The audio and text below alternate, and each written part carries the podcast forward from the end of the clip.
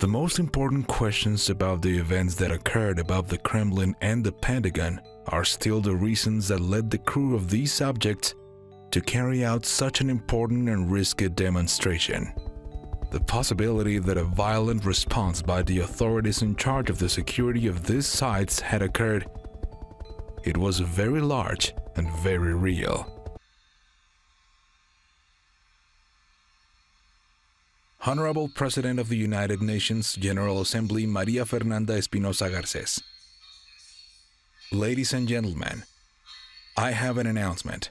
On December at 4:07 p.m., an extraterrestrial contact occurred. A metal object shaped like a pyramid appeared over the Pentagon, Washington D.C., the United States of America. An unidentified flying object diameter around 100 meters, rotated around its own axis at an altitude of around 500 meters. NASA Operational Task Group, specializing in the receiving and processing of the space data, received an incoming data from the object. At the moment as I speak here, now the data has been processed and investigated by NASA. The information from the radar, the visual information, and the fixation of the radio signals and coming from the unidentified flying object were made. According to the data, we can say that the object hovering over the Pentagon can be identified as an aircraft of unknown origin, hypothetically extraterrestrial. However, there were no signs of aggression.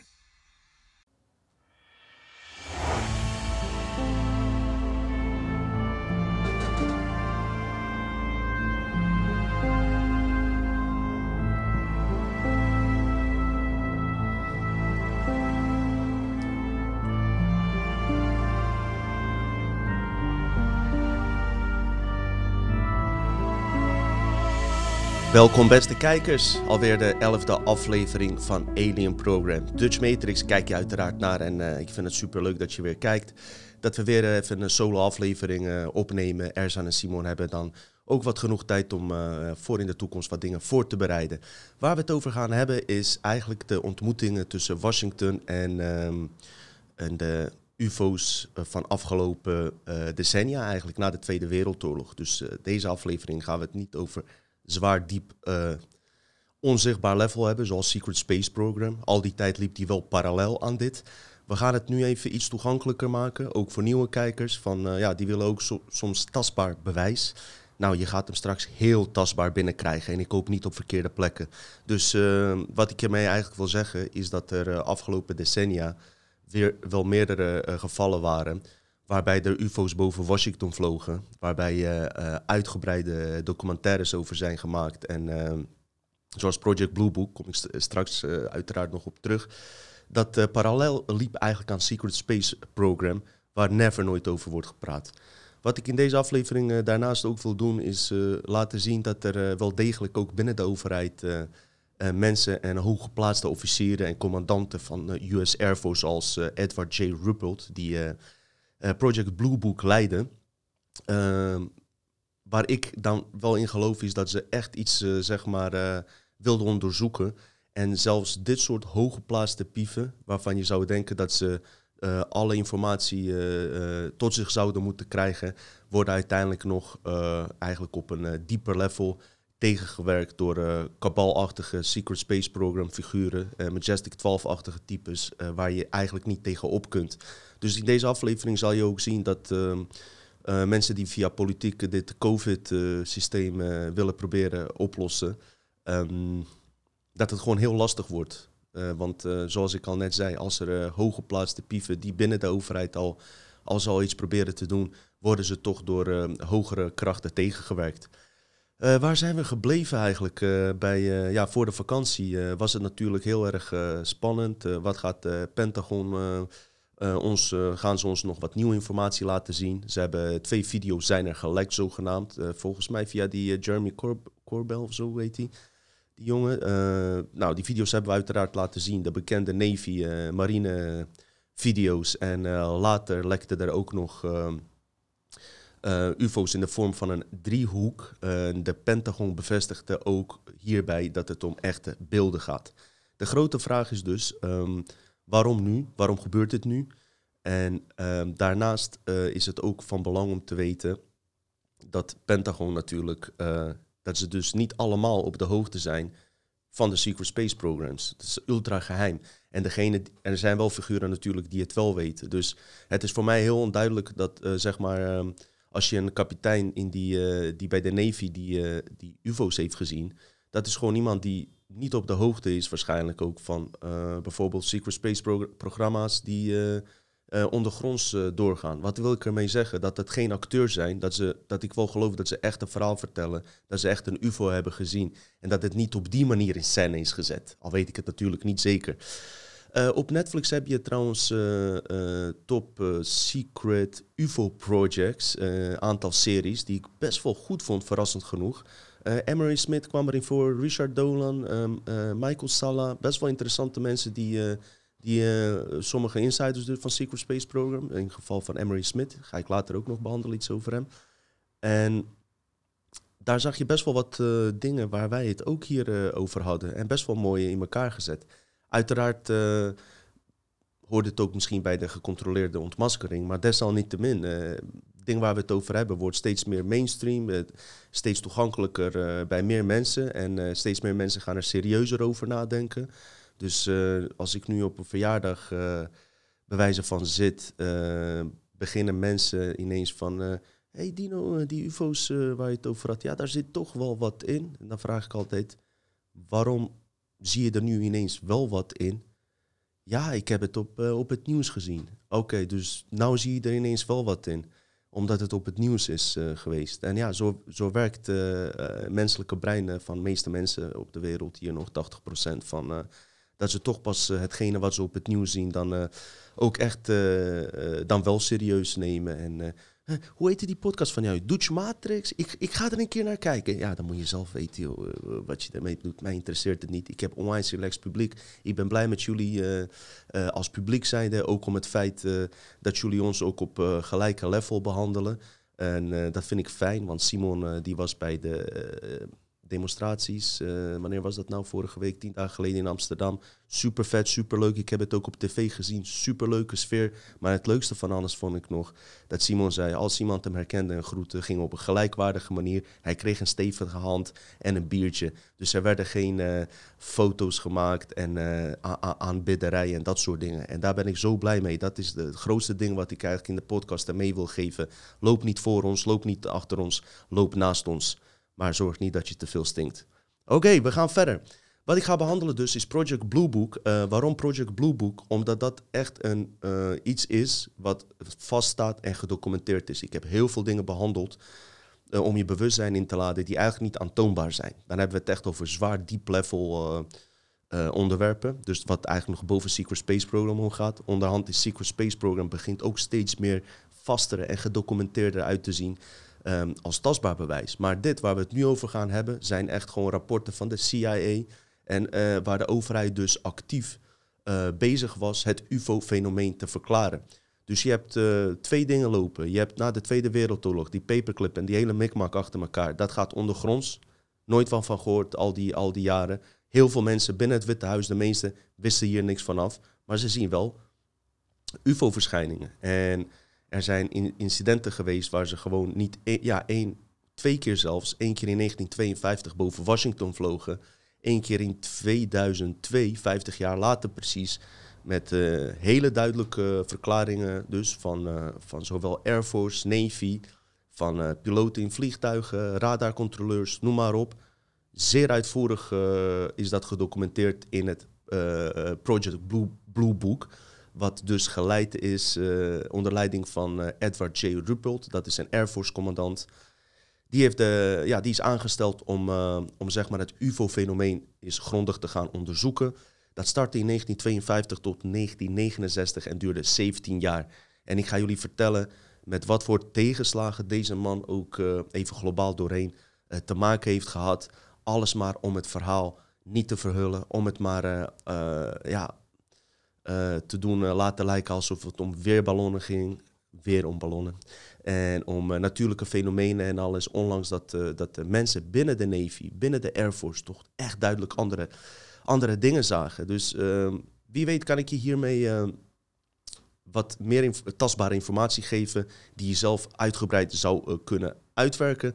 Wat we verder gaan doen is dus wat gekoppeld is aan Project Blue Book is Exercise Main Brace. Dat is een oefening van de, en simulatie van de uh, Derde Wereldoorlog uh, werd, gesimuleerd om te oefenen. En uh, tijdens die oefening, waar Amerikanen en Engelsen en nog Europese landen bij betrokken waren, waren er ook vreemde waarnemingen. Tijdens die oefening gaan we behandelen, wat ook tevens do door dezelfde Edward Ruppelt uh, is behandeld in Blue Book. Dus allemaal geconnecteerd aan Blue Book. Uh, verder hebben we dat incident van 1952, uh, eh, Washington incident. We gaan Washington incident van 2002 gaan we, gaan we bespreken. En daarna gaan we iets dieper. Is materiaal doornemen van mensen die een piramidaalvormige UFO boven uh, het Witte Huis, dacht ik, of Pentagon, het zwaar beveiligste gebouw dat er bestaat, hebben zien zweven. Gefilmd door drie verschillende uh, camera's van drie verschillende mensen die elkaar niet konden. Dat is ook uitgebreid onderzocht. Blijkt ook echt te zijn. Ik heb beelden van een van die video's, de rest kan je zelf uitzoeken. En ik hoor je al denken, sommigen die uh, best wel diep in de UFO-wereld zitten, van intro-filmpje wat je hier liet zien is Snap. Dat laat ik dus even open. Um, ik laat echt even open of het nep of echt is. Ik heb alle twee eh, verhalen gehoord uh, van alle twee kanten. Maar omdat het past bij dit verhaal, zend ik het toch uit. En jij als kijker hebt uiteraard uh, de beschikking om zelf na te denken wat je er zelf van vindt. Dus wat dat intro-video, als we het daar even over hebben, ik sta er gewoon open in. Misschien geloof ik eerder dat die nep is dan echt. Maar 100% durf ik het niet te zeggen. Aan het eind gaan we ook uh, iets afsluiten wat ook weer hieraan geconnecteerd is. Is uh, Vaticaanse, uh, Vaticaanse UFO-archief. waar Emery Smith, die in ondergrondse faciliteiten heeft gewerkt, aan Black Projects heeft meegedaan, daar iets over vertelt. Want hij is daar zelf geweest en hij vertelt daar iets over. overigens, net wat ik zei, op Netflix, dus die Top Secret UFO Projects zal je Emery Smith ook een aantal uh, keer tussen zien. En als je het mij vraagt, uh, hoop ik wel dat er een, een nieuwe aantal series daarvan komen. Want er zaten best wel dingen bij. Die meeste wist ik wel, maar het is gewoon goed in elkaar gezet. Een paar dingen wist ik niet. Ze hebben het over Russische Roswell gehad, wat wij hier al lang willen bespreken. Nou, hebben zij daar besproken, maar dat kunnen wij alsnog in de toekomst hier doen. Dus um, als je ons uh, een keer mist, of, uh, ja, kan je altijd nog naar hun kijken. Maar eerst naar ons, hè? eerst naar ons, alsjeblieft. Oké, Project Blue Book. Wat is Project Blue Book? Zoals uh, eerder gezegd, door zoveel waarnemingen van zowel militair personeel als van miljoenen mensen op aarde. In dit geval hebben we het over Amerika, waren er zoveel meldingen geweest dat de overheid uiteindelijk besloot. één, voor hun eigen veiligheid, om het UFO-fenomeen te onderzoeken. En twee, om eventueel um, iets uh, daaruit uh, te kunnen leren, de data te onderzoeken, hoe het universum in elkaar zit. Niet wetende natuurlijk voor het grote publiek dat er al lang samenwerkingen zijn in ondergrondse faciliteiten en alles. Dus dat laten we buiten, dat loopt parallel hieraan. Laten we daarbij houden, dit is een wat meer toegankelijke aflevering. Uh, kapitein Edward J. Ruppelt, US Air Force, is hiervoor aangesteld. waarom? Omdat de twee voorgaande projecten mislukt waren. Project Sign en Project Grooge allebei de projecten ehm, werden, uh, werd hetzelfde bestudeerd, maar uh, en er waren zoveel uh, aanwijzingen en, en beelden en materiaal en noem maar op, waarbij blijkt dat er toch zich vreemde dingen in de lucht bevinden en dat niet op een aardsconcept kan worden uitgelegd, behalve dat het om een buitenaards gaat of misschien wel een uh, buitenaards is vanuit de aarde uit, misschien wel onder de aarde, hè, maar niet iets wat wij kennen in de mainstream wetenschap, wat we gewend zijn. Dus die beide projecten, uh, Project Sign en Project Rouge, zijn vol tegengewerkt uh, door, de, door de CIA uiteindelijk. Alle verklaringen werden gedempt. Um, geen enkele gerapporteerde UFO vormde gevaar voor de nationale veiligheid, was de conclusie, zeg maar. kijk, als ze binnen de CIA van de Secret Space Program al afwisten en wisten dat het uh, zeg maar de, de, de UFO's van de Secret Space Program waren, die eigenlijk uh, voor Amerika werken, dan uh, weten ze ook dat voor Amerika geen gevaar oplevert. En ze hebben geen bewijs gevonden volgens die twee dat het om buitenaardse bovenmenselijke technieken gaat. En ook daarin zouden ze gelijk kunnen hebben Omdat we het verhaal van Paperclip weten en dat mensen eigenlijk al in staat waren om dit soort zeer geavanceerde voertuigen te bouwen. Maar niet eens een keer goed na te denken. Oké, uh, Project Blue Book dus. Uh, ze hebben besloten om precies 12.618 uh, gevallen van uh, fenomenen die gemeld zijn, is goed te gaan onderzoeken. Um, naast Edward J. Ruppelt, of Ruppel was ook Charles Campbell aangesteld. Dat is een generaal die zelf ook UFO's heeft gezien en die heel erg ja, getriggerd was hierdoor. Dus hij werkte ook hieraan mee. Want die Edward J. Ruppelt wilde dit echt goed gaan aanpakken. En gewoon echt serieuze mensen nemen. Dus ook niet mensen die overenthousiast waren over UFO's. Maar ook zeker niet mensen die het alleen maar wilden debunken. Dus daar hield hij echt rekening mee. Dus die. Uh, Charles Campbell uh, was aangesteld om dat samen met hem te gaan onderzoeken. Samen met de bekende Amerikaanse astronoom Alan Hynek. En uh, deze man ehm, was in eerste geval zeer sceptisch over, over deze dingen. Was ook bij de eerste twee uh, genoemde uh, projecten uh, actief aanwezig. Project Sign, Project Grooge. En hij was heel sceptisch over UFO's, geloofde er niet in. Naarmate de tijd verstreek en hij aan Project Blue Book werkte, begon zijn mening daar drastisch over te veranderen. De rapporten van Project Blue Book zijn uiteindelijk gearchiveerd in uh, Amerika heeft een uh, soort van Freedom Act dat je recht hebt om alle inform om inzage te hebben in de informatie wat, wat uit die Project Blue Book in dit geval kwam. Uh, dus die inzage is mogelijk. Alleen er zit een addertje onder het gras. Bijvoorbeeld de, de namen van de getuigen zitten er niet bij, wat je kan begrijpen. Maar ook een aantal uh, belangrijke incidenten zitten daar niet in, want die zijn ondertussen door een andere commissie overgenomen. Als het echt om serieuze shit ging, zeg maar. En uh, dat zal ik straks ook zeker, zeker toelichten. wat ze ook hebben gedaan, volgens mij, ze hebben zo'n tussencommissie samengesteld. Ehm, waar ik straks ook nog op in zal gaan. CIA zou dit allemaal gaan controleren. Uh, controleren. Wat het was, uh, even kijken hoe die uh, commissie heette. Er zijn zoveel namen. Robert, Robertson Panel. En wat was dat? Uh, dat is in 1953 opgericht. Dat was van de CIA. En die heeft eigenlijk de drie eerder genoemde mannen waar ik het over had ehm, wilden ze weten van wat voor informatie ze hadden. Zij kwamen met beste informatie die ze tot dan toe hadden van Project Blue Book en uh, aanwijzingen daarvan, uh, die ik straks ook ga uh, bespreken. Die lieten ze zien. De CIA nam dat door samen met president Truman. En vervolgens, wat, onlangs dus, zeer duidelijke ja, aanwijzingen en info die ze hadden, werd het afgedaan als een weersomstandigheid omdat ze zeggen, en dat klopt ook, door de verschillende luchtdruk, uh, door hoog verschillende luchtdruk, kunnen er stipjes op de radars ontstaan. Waardoor de radar uh, mensen denken dat het om een uh, UFO gaat, terwijl het een natuurlijk fenomeen is. Maar wat ze niet hebben gedaan, is die mensen echt goed ondervraagd. Want er waren mensen bij die het zowel op de radar zagen als buiten uit het raam. En er waren meerdere mensen die het tegelijk zagen. Gaan we straks nog over hebben. Maar het was dus eh, CIA deed er eigenlijk alles aan om het te debunken en belachelijk te maken. En ze gingen zelfs zo ver dat, uh, dat ze zeg maar Walt Disney inhuurden om uh, video's te maken die, die naar het onderbewuste gaat, die dit onderwerp gewoon belachelijk en niet serieus neemt.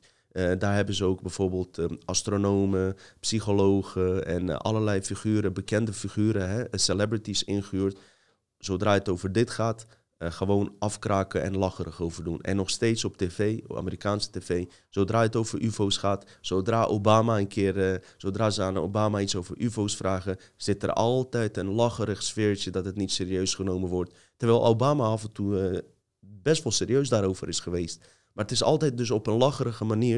Het is een mind control. ook werd door de CIA werd, werd, werd er verteld van tegen de Navy en Air Force van, uh, om dit soort meldingen, om eens goed na te denken of ze dit soort meldingen eh, in de toekomst zullen doen. Om de mensheid niet te misleiden. En in december 1953 maakte Joint Army Navy Air Force Regulation kwam er, nummer 146.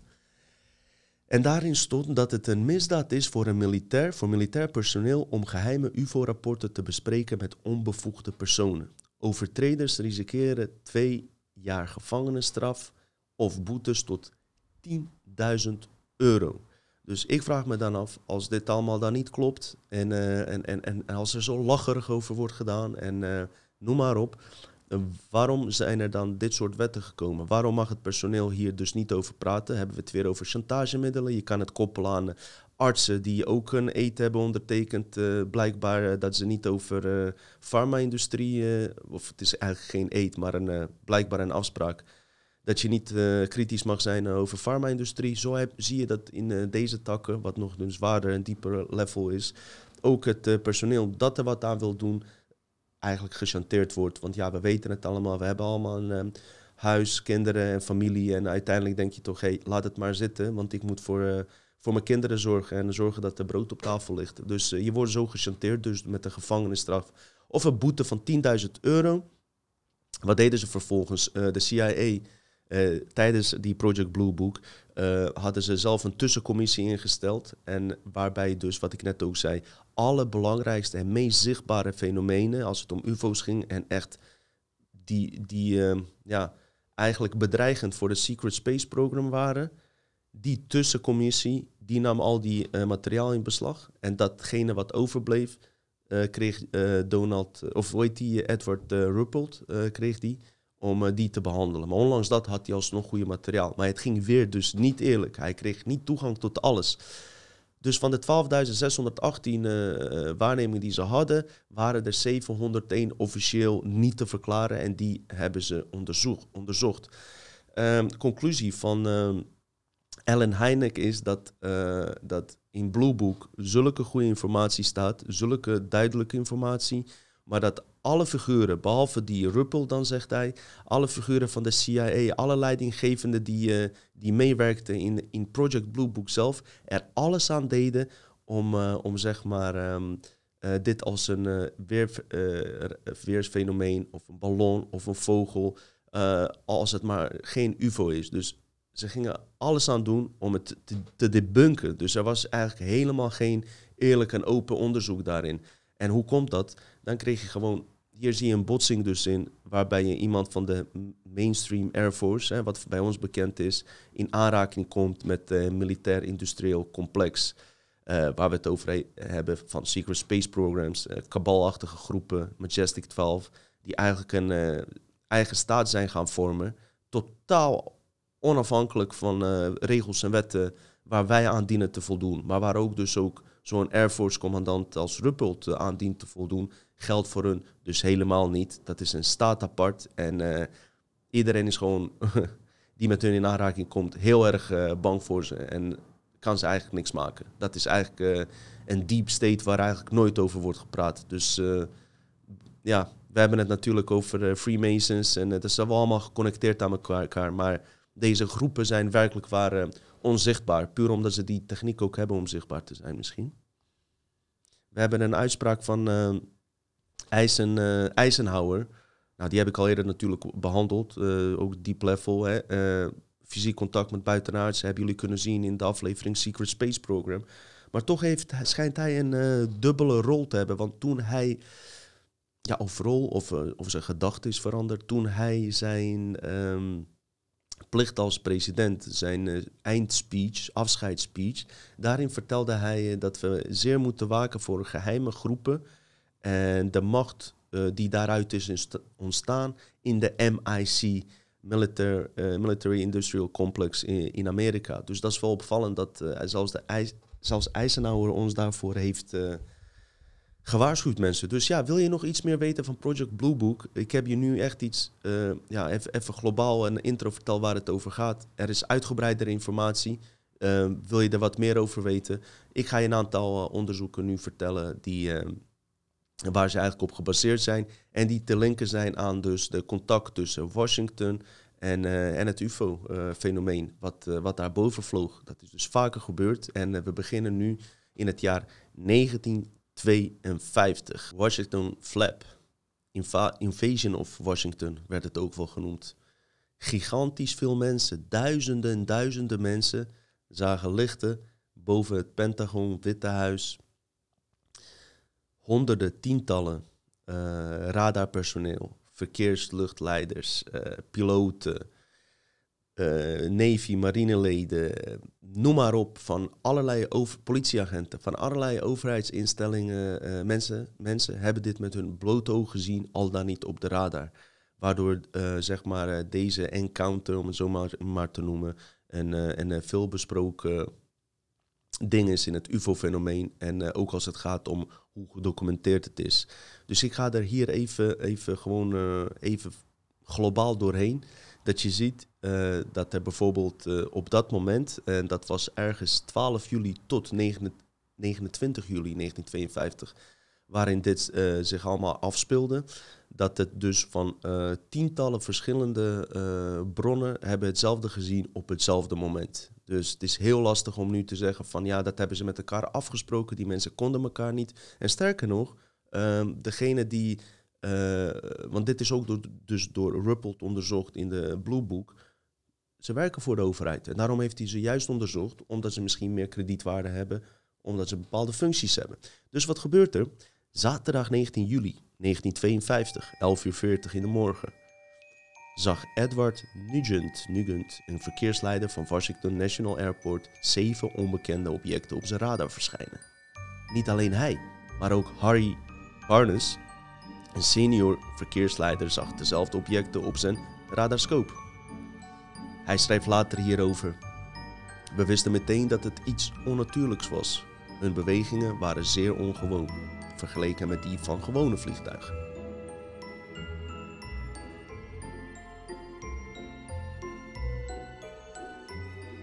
Meerdere collega's zagen deze objecten en ze voerden onderling, ook discussies van: Wat de hel was dat, man? De objecten manifesteerden zich op verschillende plekken de radarscope en vlogen richting het Witte Huis. Maar ook piloot William Brady. Hij was in de toren en hij zag een oranje bal. Toen hij zijn collega's wilde inlichten hierover, begon, begonnen deze in een ongelooflijke snelheid zich te manoeuvreren. Een andere figuur, S.C. Pierman van Capital Airlines, uh, piloot, die zag hetzelfde tijdens zijn vlucht. Hij dacht eerst dat het een meteoriet was. Dit rapporteerde hij dan ook, waarop hij later zes witte objecten zag zonder staart dicht bij zijn vliegtuig. Heel duidelijk met het blote oog. Dus niet alleen op de radar, maar ook met het blote oog. Later verdwenen deze in een zeer hoge snel snelheid.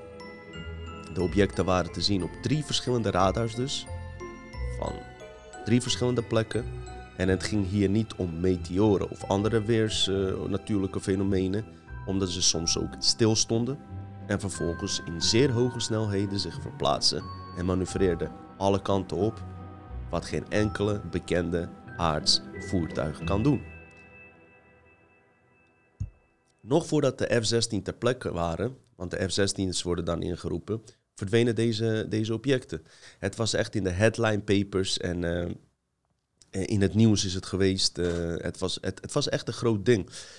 En die Ruppelt van Blue Book, hij was toen ook toevallig in Washington. Dus hij denkt van, dat is super mooi, dan kan ik dit meteen eens gaan onderzoeken. En het is belangrijk dat je dan meteen snel werkt en hier tegenaan gaat.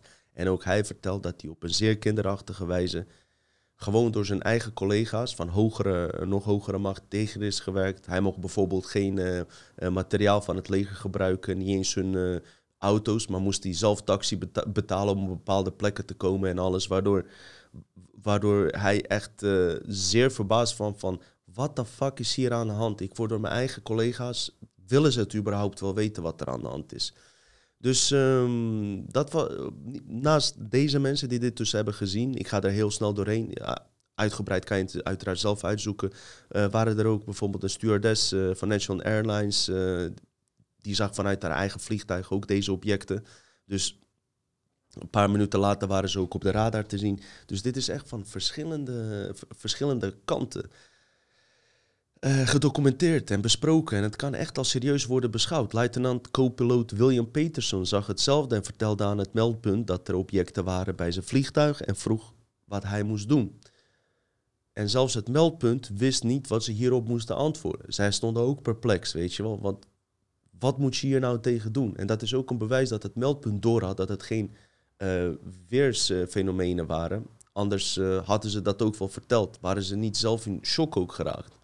Dus ja, ondanks al die getuigenverklaringen van geclassificeerde mensen, werd dit gewoon elke keer maar weggezet als een natuurlijk fenomeen.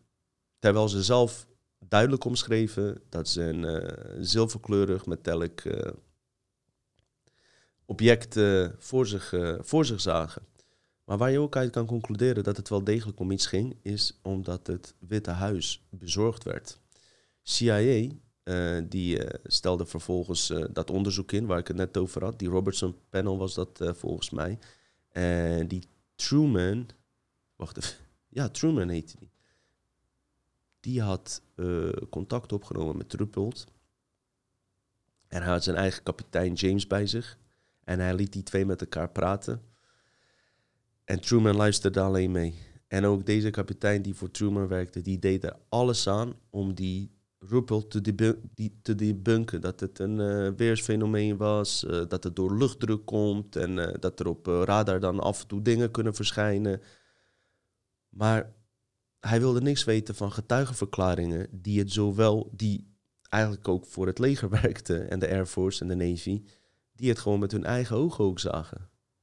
Daar wilde hij niks van weten. Hij focuste zich alleen op de radar. Dus bepaalde dingen wilde hij ook gewoon niet weten.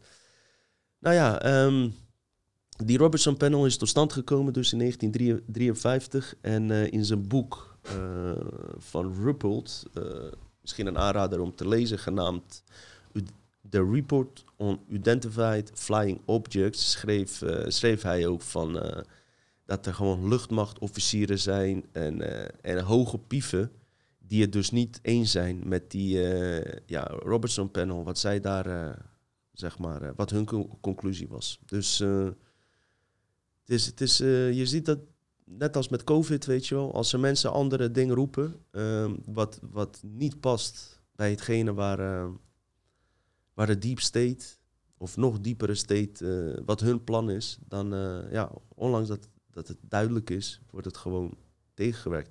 Ik denk dat uh, bewijs voor UFO's nog duidelijker is dan dat hele COVID-ding, zeg maar.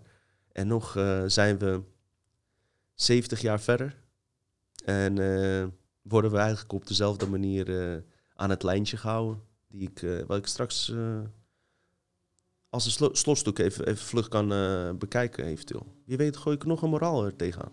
Wie weet. Moraal van het verhaal. Michael Wertheimer, een onderzoeker voor het door de overheid gefinancierde Condon Report, onderzocht de zaak in 1966 en verklaarde dat radargetuigen de verklaring van luchtmacht nog steeds betwisten. Dus ook hij, die onderzoeker, uh, gewoon die voor de overheid zelf die onderzoek deed, twijfelt ook aan alle kanten van die, die, die, die denkt toch echt ook dat, dat het hier wel degelijk om uh, buitenaardse of ja, om echt UFO's gaat. Dan heb je radarcontroleur, als ik het goed uitspreek, Howard Coughlin. Hij vertelde Washington Post in 2002, dus dat is jaren later, dat hij er nog steeds overtuigd was dat dit, dat dit echt ook om om het echte werk gaat en niet, uh, en niet wat, wat de conclusie van het Witte Huis was. Dus je ziet het, het is echt aan alle kanten, aan alle kanten is er bewijs en toch wordt het tegengesproken. En ik vind het dus jammer dat hier ook nooit naar wordt verwezen in de mainstream als het al over die beelden hebben en als het al over dit soort onderwerpen gaat. Dat ze er ook niet bij vermelden dat er een hele historie is aan UFO-onderzoeken die de overheid en CIA heeft het nu eindelijk openbaar gesteld. hoe serieus ze dit namen. En als dit niet zo was, had dit nooit zo serieus geweest voor ze. Dat blijf ik er altijd bij zeggen. Maar wel in al die jaren mensen belachelijk gemaakt, zo, zodra het over dit onderwerp ging.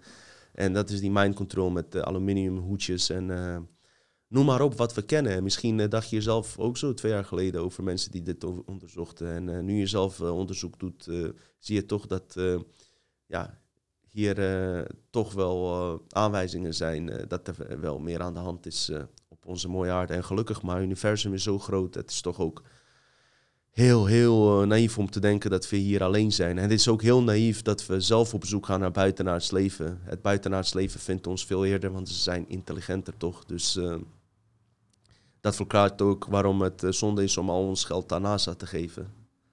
Maar ja, dat is een ander verhaal. We gaan naar operatie Exercise Main Brace. Wat is Main Brace? Dat is een oefening die Amerika hield, een simulatie van derde wereldoorlog. Dat deden ze ergens in 1953, dacht ik. Waarom? Uh, Tweede Wereldoorlog was afgelopen en zij dachten, weet je wat we doen? We spreken af met onze compagnons Engeland en nog een aantal Europese landen. Spreken we af om een simulatie Derde Wereldoorlog te houden, ergens op een... Uh, plek op een oceaan. Uh, gigantisch grote operatie was dat met 800 boten, duizenden vliegtuigen, 80.000 man aan leger deed hier aan mee. En het doel hiervan was een simulatie inzetten waarbij de Sovjet-Unie, dus de Russen, de, het, de vijand waren, dacht ik. Ik dacht dat het zo in elkaar zat. Het boeit verder niet, maar om even, even toe te lichten. En, en uh, de geallieerden dan, zeg maar, en de Amerikanen moesten hun verslaan. En uh, daar werden oefeningen op... Uh, daar, daar, daar, daar was de oefening op gebaseerd. En uh, Ruppelt heeft dit ook in Project Blue Book onderzocht. Dus hij vertelde nog aan ze dat uh, toen ze weggingen, mensen uit Washington tegen hun zeiden voor de gein van kijk uit voor UFO's. Want jaar daarvoor uh, was dit hele UFO-verhaal natuurlijk in, de, in het nieuws geweest en noem maar op. En ze deden er nog lacherig over. En wat gebeurt er inderdaad tijdens die oefening? Werden er door duizenden ja, bemanningsleden, noem maar op, uh, UFO's gespot. Uh, waaronder onder één uh, schip die geleid werd door een Deense, Deense torpedobootjager. ja, ik weet even niet de naam van de kapitein die dat zag, maar in ieder geval, er ontstond paniek daar. En ze zagen driehoekige UFO's inderdaad ineens hup, voorbij vliegen. Net als in operatie Highjump, alleen dan iets minder, nou ja, veel minder erg natuurlijk, daar werd ook echt geschoten. Maar uh, zeer duidelijk waren ze te zien. Dus uh, er, ontstond uh, paniek uit. Amerikaanse journalist genaamd Wallace Litwin, die was aan boord van een ander schip, USS Franklin D. Roosevelt heet dat schip. Een vliegdekschip dat deelnam aan deze main brace oefeningen. En hij zag ook dat het paniek van die uh, dat mensen aan het dek van die schip ook in paniek raakten. Wat is er aan de hand? Bam, hij kijkt naar boven. En hij denkt dat hij weerballonnen ziet, omdat dat de verklaring was van Roswell en van alle anderen. Hij maakte toen vier foto's. Die zijn volgens mij niet allemaal gepubliceerd. Eentje dacht ik wel. Ik probeer hem even tussen te plakken te vinden. Ik weet ook niet of, of die van hem is. Het wel een echte foto. Hij dacht toen dat het om, uh, om een weerballon ging. Waarschijnlijk hebben ze hem toen ook dat verteld. Maar later, toen die met, uh, met hoge pieven van de marine en Amerikaanse Navy sprak, zei hij dat ze die dag helemaal geen weerballonnen naar boven hebben gestuurd. En dat dat geen weerballonnen waren, waarvan hij dacht van, hé, hey, wat de hell, wat de fuck is hier aan de hand, man? Dus dit soort dingen gebeurden, zeg maar, jaar na het Washington-incident van 1952. Maar er is nog een Washington-UFO-incident geweest in 2002. En deze lijkt compleet uit de geschiedenis te zijn geweest. Hij is makkelijker te vertellen uh, en simpeler te vertellen ook. Maar op een of andere manier, ook op uh, Google als je het intypt, ik heb het uh, lastig kunnen vinden. Er staat gewoon heel weinig informatie hierover. En toch is het gebeurd. Weer in juli. De nacht van 25 op 26 juli 2002. Wat gebeurde er toen? Vrij simpel verhaal. Toch vertel ik hem, omdat ze weer ook hier um, um, overheidsmensen hebben geïnterviewd. Die, uh, waaronder één politieagent en een andere man, ik weet niet waarvoor hij werkte. Hebben hetzelfde gezien, terwijl ze elkaar niet kennen op twee verschillende plekken. Waarom het ook uh, bijzonder was, is dat het net na 9-11 was, redelijk net daarna. Dus Amerika was heel erg alert op uh, eventuele aanvallen van die zogenaamde Al-Qaeda natuurlijk niks gebeurd. Maar goed, uh, ze waren wel paraat. En wat er gebeurde is het volgende.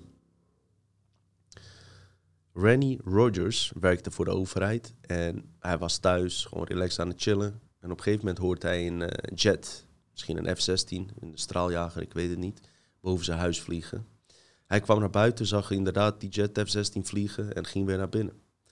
Volgende uh, vijf minuten later hoorde hij weer een straalgeluid, ging weer naar buiten hij hoort het geluid wel, maar ziet die F-16 niet. Maar wat hij wel ziet, is een blauw uh, licht dat vreemde uh, bewegingen maakte en alle kanten opging. En op een gegeven moment uh, verdween dat blauwe object ook. Wat, dat is wat hij waarnam. Tegelijkertijd hebben ze een man geïnterviewd genaamd Gary Dillman. Dat is een andere getuige die eigenlijk een politieagent vroeger was, maar nu als beveiliger werkte. En hij heeft meerdere objecten gezien met een F-16. In combinatie met de straaljager F-16.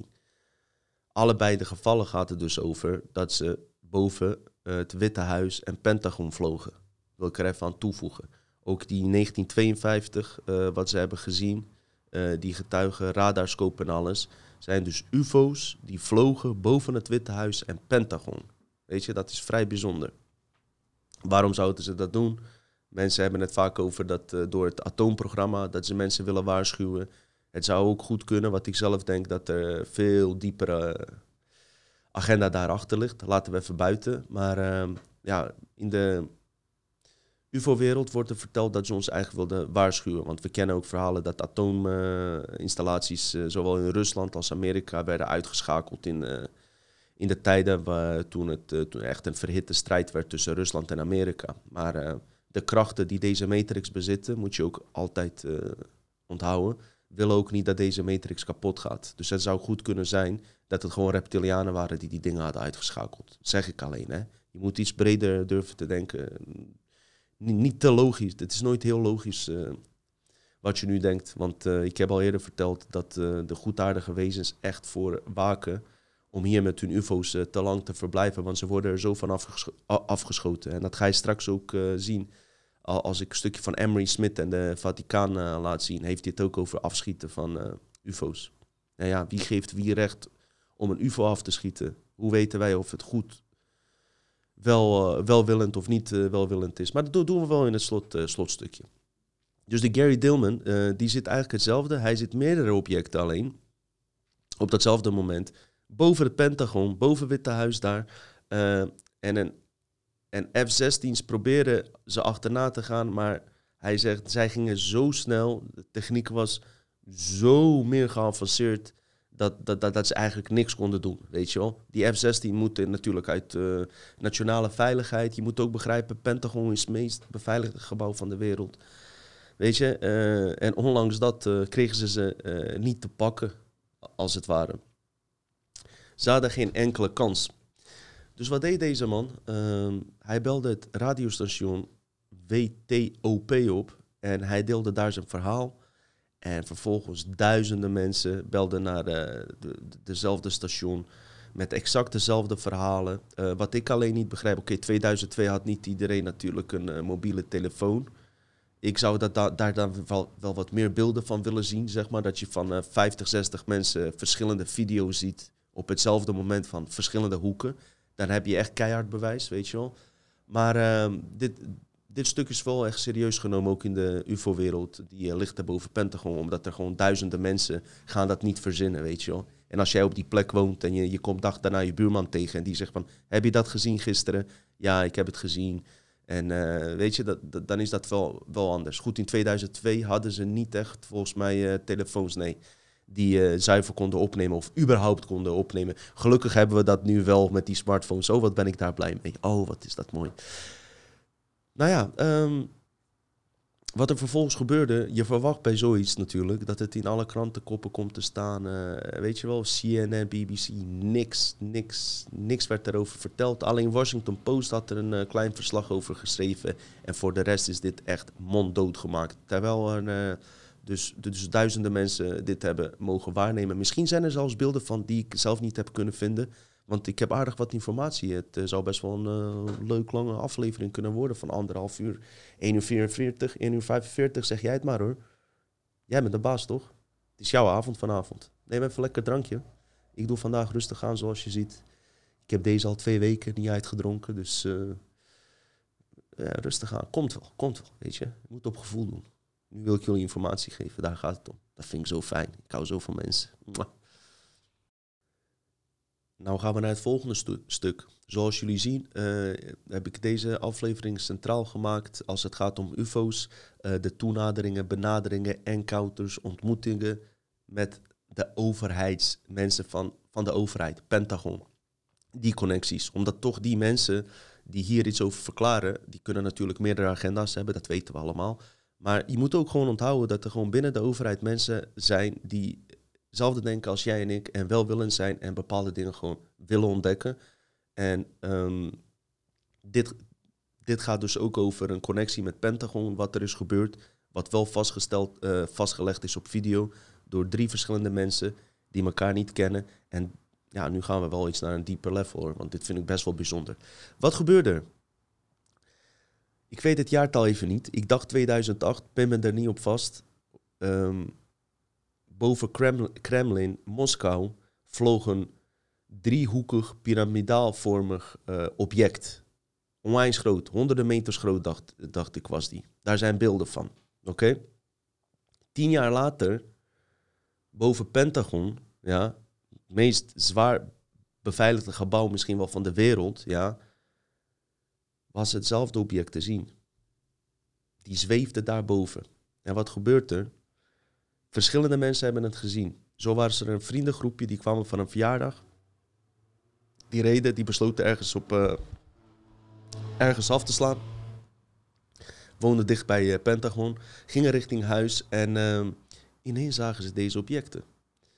Ze hebben dit gefilmd. Oké? Verder was er nog iemand die dat heeft gezien. Vanuit een heel andere hoek. Eveneens gefilmd. Maar waar ik het over ga hebben, is over Ferru. En deze man, die komt uh, uit Israël en die heeft het ook gefilmd. In eerste instantie uh, wilde die volgens mij anoniem blijven, maar daarna is hij toch hier openbaar over gaan spreken. Ik ga me op hem richten. Als je de link omschrijvingen, als je daarop linkt, weet je waar die video vandaan komt, zal je ook uitgebreide uh, dingen van die andere twee gevallen kunnen vinden. Want anders past het niet in de aflevering. Heb je afleveringen van twee uur, hoor je mij alleen maar praten. Schiet ook niet op, weet je wel. Dus ik hou het iets, uh, iets beknopter, moet het niet al te gek maken. Maar ik vond deze man interessant. Waarom? Ik laat jullie straks uiteraard in de video zien wat hij er zelf over vertelt, wat er toen was gebeurd. Maar ik vind het interessant omdat hij absoluut geen complotdenker is en hij gelooft niet in UFO's. Hij had een hondje, hondje moest pissen. Dat is de reden dat ik geen hond neem trouwens, uh, terwijl ik onwijs veel van honden hou echt onwijs veel. Drie uur s'nachts, zijn vriendin had geen zin. Die, uh, die zegt, ja, uh, laat die hond uit, hup. Ja, een moderne man moet dat doen, hè. hoort erbij trouwens. Hè. je gaat de vrouw niet om drie uur s'nachts hond laten, laten uitlaten. Ben je ook geen man. Laten we daar even duidelijk over zijn. Het was heel laat. Hij liet zijn hond uit. Um, woont dus ook bij, dicht bij Pentagon. En hij had zijn telefoon. Misschien was hij met een andere chick aan het uh, sms'en appen tussendoor. Dat weet ik verder niet. Maar hij had wel zijn telefoon bij zich. En hij kijkt daar bij het Pentagon. En hij ziet een piramidaalvormig object zweven boven Pentagon. En hij maakt daar een video van van 12 minuten. Waarvan hij maar 4 minuten tentoon heeft gesteld openbaar. Wat daar de reden van is, weet ik niet. Dus ik stel voor dat ik even een video van hem laat zien en dat hij ook even toelicht uh, wat hij er zelf van vindt en wat hier uh, in godsnaam aan de hand is. And the Air Force Memorial is not far from my house. And usually walk, I, I walk, I, I always walk the same route with my dog. Like usually I walk past the Air Force Memorial, then I walk around the block, and then I go back home. Usually it takes like 45 minutes, like the walk, uh, maybe an hour. It depends, you know, how fast I walk. I was a bit tired, and uh, so I was walking a bit slowly that night. So I think I was probably at the Air Force Memorial around like I'm not sure, like 3:30, maybe 3:45, and the dog was peeing in some corner there, and uh, I noticed some drunk guy. He was walking, or rather stumbling, near the trash cans. I think he had, a lot to drink. So he kept falling into the trash cans. I'm not sure, maybe he was looking for something in the trash cans. And the drunk guy was mumbling to himself. He was talking to himself, I suppose, like lots of drunk people do. I, I personally, I don't drink, so I don't have any exper- experience with alcohol.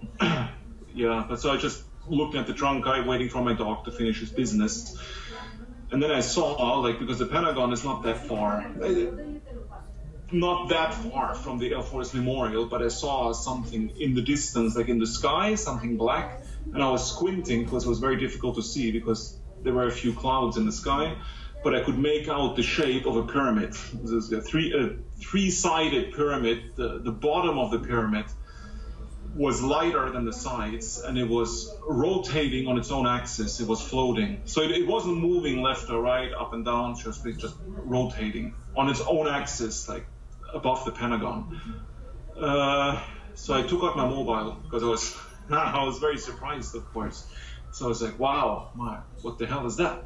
So I took out my mobile and I tried to film it. And I was about filming it for maybe uh, four or five minutes when my wife called at that time, I think it was like around four in the morning at that time, uh, December 19th. My wife called during the filming while I was filming it, and uh, so I had to pick up because yeah, she's I don't say a rather strict wife. Yes, when she calls, I have to answer. so so I answered, and she she was worried because of she where are you? You know, because she had woken up and, uh, and wasn't in bed. So I just told her, you know, I said, I'm just walking the dog because the dog was whining, you know, the dog had to pee.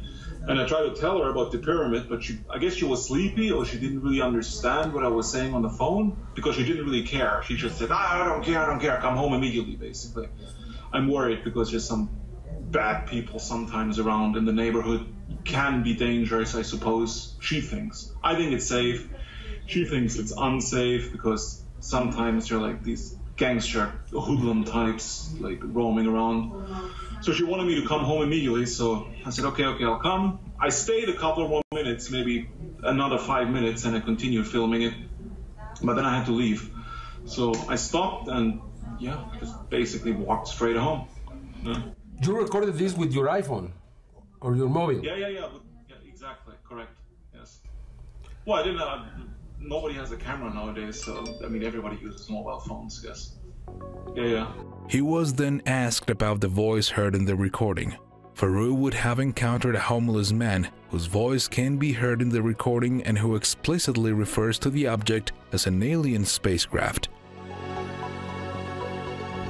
Yeah, I'm. I, you know, to be honest, I'm not sure what it was. I don't. I don't really have any theories of my own, and I pretty much what you'd call a skeptic. So usually I don't believe in conspiracy theories or UFOs. UFOs meaning like aliens, you know. So because UFO just means unidentified flying object, and it definitely was an unidentified flying object. So it technically was a UFO. Like I personally don't believe it was aliens just because I don't believe that aliens are here. So I, I, I believe it's probably some I don't know CIA related US military, maybe a weapon or some other kind of flying machine, some kind of new plane, spy plane, not sure. Well, that's what I think. But of course, I don't know. It's just what I believe because just because it was above the Pentagon that, and it's Washington D.C. and there's a lot of military around, a lot of military installations around, so that that's why I believe it. That Could was could this be a, a, a holographic projection? I suppose it maybe. I, well, I don't know because it looked it looked solid to me. But if it was a holographic projection, it was a really good one, I suppose. I mean, i have never seen such technology, such holographic technology, and I don't know if such holographic technology exists. But I suppose yes, it's possible. It could could have been yes. But if it was, it looked like the real thing. I mean, it looked completely real and solid. Uh, have someone approached to you after you recorded this video and presented it in the internet? No, no. I just read the comments. Nothing else. No, because nobody no, nobody knows where I live and nobody knows nobody knows my last name. So so nobody can contact me even if they wanted to. Because I don't I don't I don't want people contacting me. So I just I just moved to the US like a couple of years ago, and I don't want to draw attention to myself or anything. And then there, there is no media, any investigator, no one approached you, or no one contacted you. No. This is the first interview you have given to this uh, about this event. Yes, it's the first one. He was also asked if he knew any of the other witnesses who recorded this event. Do you know any of the other witnesses that presented got, uh, got the videos? No. You mean personally? Yeah. No, no, no, no, no. You don't know anyone, Anybody? and you had not contacted anyone after this video. Nobody. Nothing. Nobody. Yes, I just told my wife basically when I when I came home and I showed it to her like the same night, of course, but she was very sleepy and she was like, eh.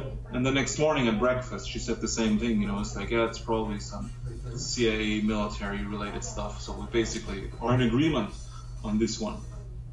But that's it. So other than that, I haven't spoken spoken about it to anybody. Even if this was holographic, even if this was from the CIA, why we have not seen any report from that? Even in Well, that. Yeah, isn't it usually if, if, if it's from the CIA, like usually they don't admit it, so they're not, not going to comment on it if it was. But the media should present it. The, the, the, the information should be there. I mean, should be, it had been, I mean, it should have been in the media, in the, in the New Washington Post or something. You know, the CIA flew this above the Pentagon or anyone. no, and there is nothing. I am surprised. Yeah, I, I, I can't answer. the- I can't answer. So I don't, I don't know why. I don't know. I don't know why there's a media silence. I have no clue actually. Tell me about your, your video, how long it is.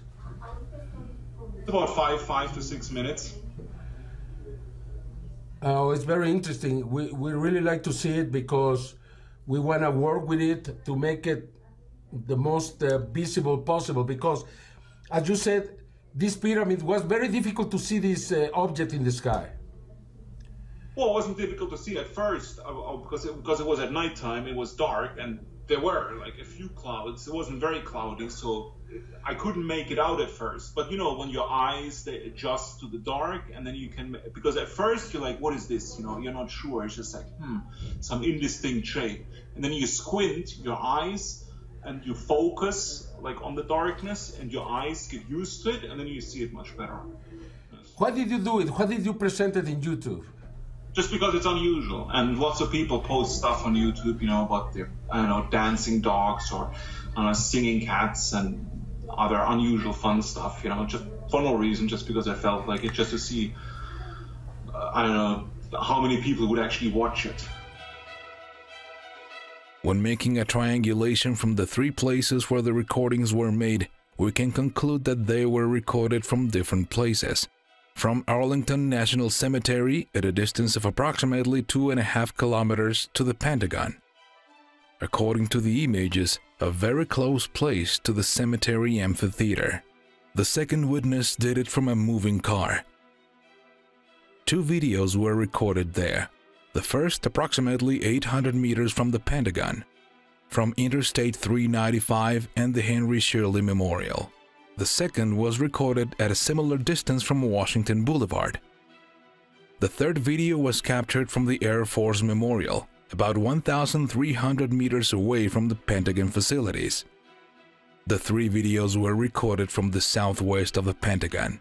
The witnesses do not know each other and most likely were captured at different times between 3 and 4 in the morning of Wednesday, December 19, 2018. Each video was analyzed.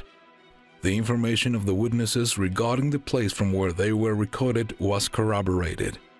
There is no doubt. In addition to that, the witnesses didn't know each other, elements that allow us to affirm with a high level of certainty that they are authentic, not tampered with, and they present the true image of a pyramid-shaped tetrahedron between 100 and 200 meters in diameter that levitated over the most important military installations in the United States without a single combat aircraft having confronted this presence, without generating any type of response or panic scenes on the streets. The event was not presented by any written or electronic media, as was the case with Russia, and which until now is unknown to most of citizens of the United States and the world. Days later, there would be an attempt to discredit this case. A video of an alleged Russian scientist, Aliya Prokofieva, a true visionary of the space conquest, would be presented. Oké, Balhar, ben weer terug. Jullie hebben het kunnen zien, waarnemen. Het is bijzonder dat het dus uh, uit verschillende hoeken is gefilmd. Ik vind, het, ik vind het best wel sterk en onderzoeken waard. En uiteraard aan jezelf om te kijken wat je ervan vindt. Vooral omdat het heel erg lijkt ook op het object wat boven Kremlin tien jaar eerder al verscheen. En straks vertelt Emery Smith iets gedetailleerds wat ik toevallig tegenkwam. Nou ja, toevallig, je trekt het aan met je gedachten. Als je ook met uh, vier dagen geleden wist ik niet eens waar ik het over ging hebben. Maar zodra je erover gaat nadenken, komt de informatie ook naar je toe. Kijk, eh, het zijn geen uh, basic algoritme resultaten van YouTube, want dat doen ze niet meer. Maar guess what? Jij hebt in jouw brein ook een algoritme aantrekkingskrachtapparaat. Waardoor je inderdaad, als je in een, dat merk ik bij elke aflevering, onderzoeken kunt ding. En uh, daar komen die andere zijonderwerpen vanzelf op mijn pad. En dat is niet meer dus via YouTube, maar dat komt gewoon. Dat, dat, trek, dat trek ik gewoon aan, weet je wel. Jij ook, jij kan dat ook, iedereen kan dat. En, uh, maar goed, dat is een ander onderwerp op zich. Waar ik het over wil hebben dus, wat ook weer hieraan geconnecteerd is, is de introfilmpje. We laten even buiten of die echt of nep is. Maar er is wel iets interessants aan de hand. Want datgene wat je net hebt gezien, ja, is geconnecteerd aan de zogenaamde toespraak die je zag van het introfilmpje. En wie is die vrouw die je daar ziet? Dat is Alia Prokofjeva. Zij is de eigenaresse van het ruimtevaartbedrijf Galactica. En zij houdt zich uh, dus uh, bezig, net als waarschijnlijk Elon Musk, met uh, ja, of er leven is op buitenaardse planeten. Uh, waarschijnlijk een hele rijke Russin. En wie weet uh, zit ze ook wel bij Kabal. Dat weet ik echt niet, weet je. Wat voor, uh, wat voor type vrouw dat is. Ik heb haar niet onderzocht. Maar dat is zij dus. En um, je zag haar dus een toespraak houden... dat Amerika dus in het Pentagon... dat er een driehoekig object is geweest... en dat er contact is geweest tussen Washington... of dat er een... ja, ik weet niet of ze met elkaar gepraat hebben, die wezens, of er wezens zijn uitgekomen. Kan je straks in haar uh, video nog een keer bekijken, we wel even. Maar dat er in ieder geval, uh, ze verwees naar die driehoekige UFO, die die gas gefilmd had.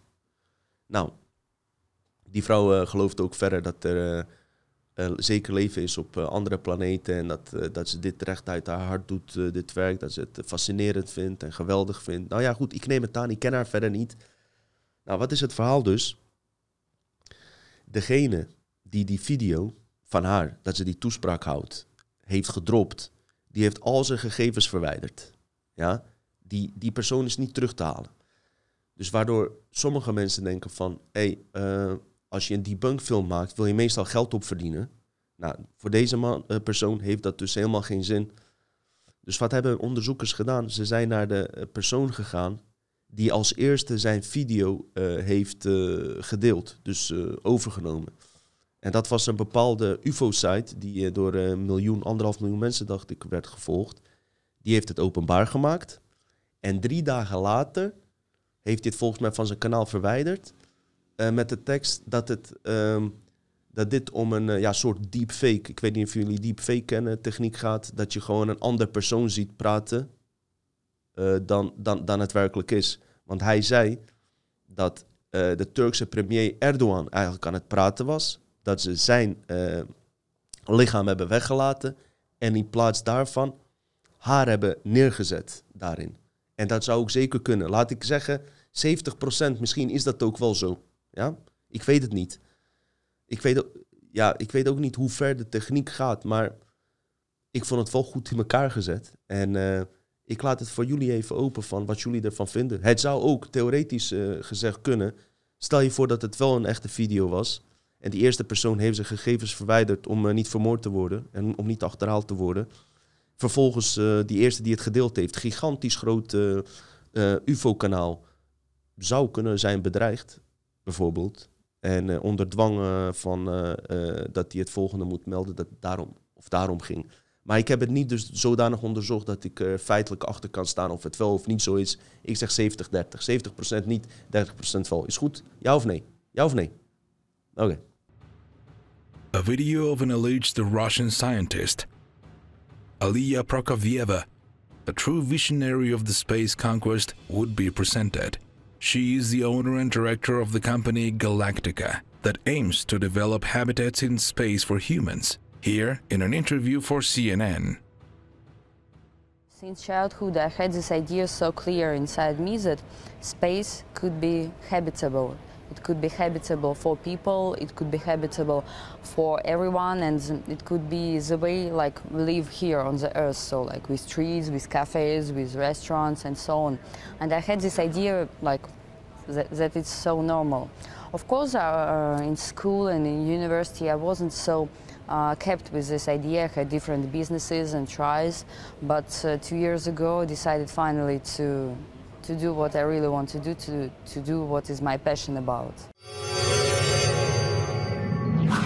In the video of a supposed speech at the United Nations, Dr. Anilla announces that a large object about 100 meters in diameter flew over the Pentagon at no more than 500 meters high. According to some warnings in the video, this cannot be copied in its image or audio. The sound is very defective and cannot be compared with the genuine voice of the scientist. This is the video. The English subtitles are a faithful copy of the speech.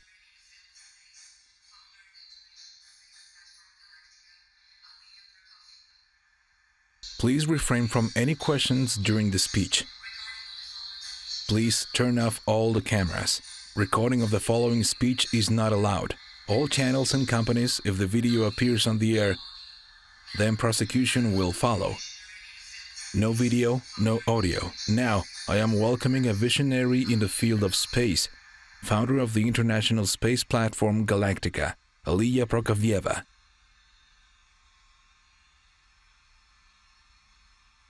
Honorable President of the United Nations General Assembly Maria Fernanda Espinosa Garces. Ladies and gentlemen, I have an announcement. On December at 4:07 p.m., an extraterrestrial contact occurred. A metal object shaped like a pyramid appeared over the Pentagon, Washington D.C., the United States of America.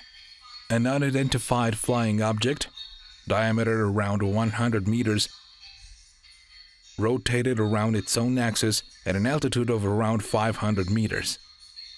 NASA Operational Task Group, specializing in the receiving and processing of the space data, received an incoming data from the object. At the moment as I speak here, now the data has been processed and investigated by NASA.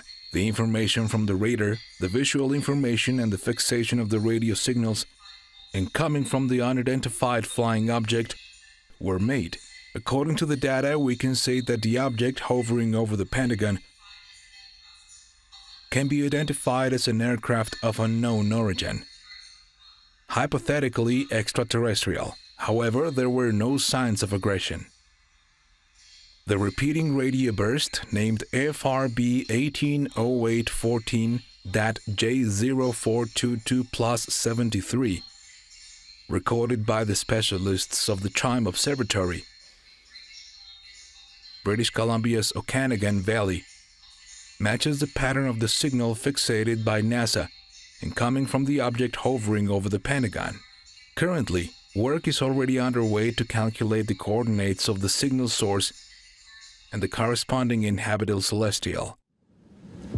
This video was released on January 29, 2019. However, the identity of the person who originally uploaded the images deleted all their personal information. It was only possible to obtain the information of the first YouTube user who copied the video. This is JazzLada65. Just two days later, on January 31st, the user UFO of Interest claimed to have discovered that it was a forgery. According to the researcher, the figure of Turkish Prime Minister Recep Tayyip Erdogan would have been replaced with that of the Russian scientist Aliya Prokofieva. Here, it cannot be considered that it was made by an amateur who wanted to attract attention or viralize the image for economic reasons, but to generate confusion towards the authenticity of the event that occurred over the Pentagon.